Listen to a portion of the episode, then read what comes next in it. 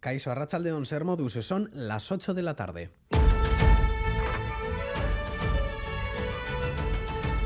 Crónica de Euskadi con Lier Puente.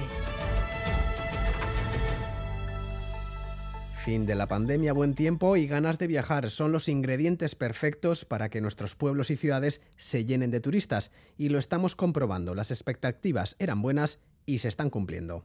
De Galicia. De Galicia, sí. De Pontevedra. Y estos dos de Alemania.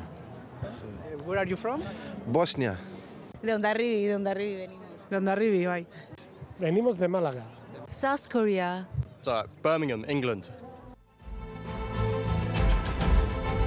Ya lo vemos de cerca, pero también de Bosnia, de Corea del Sur o Inglaterra. Muchos de ellos han llegado en avión. Hasta el lunes hay programados 1.500 vuelos en Loyu.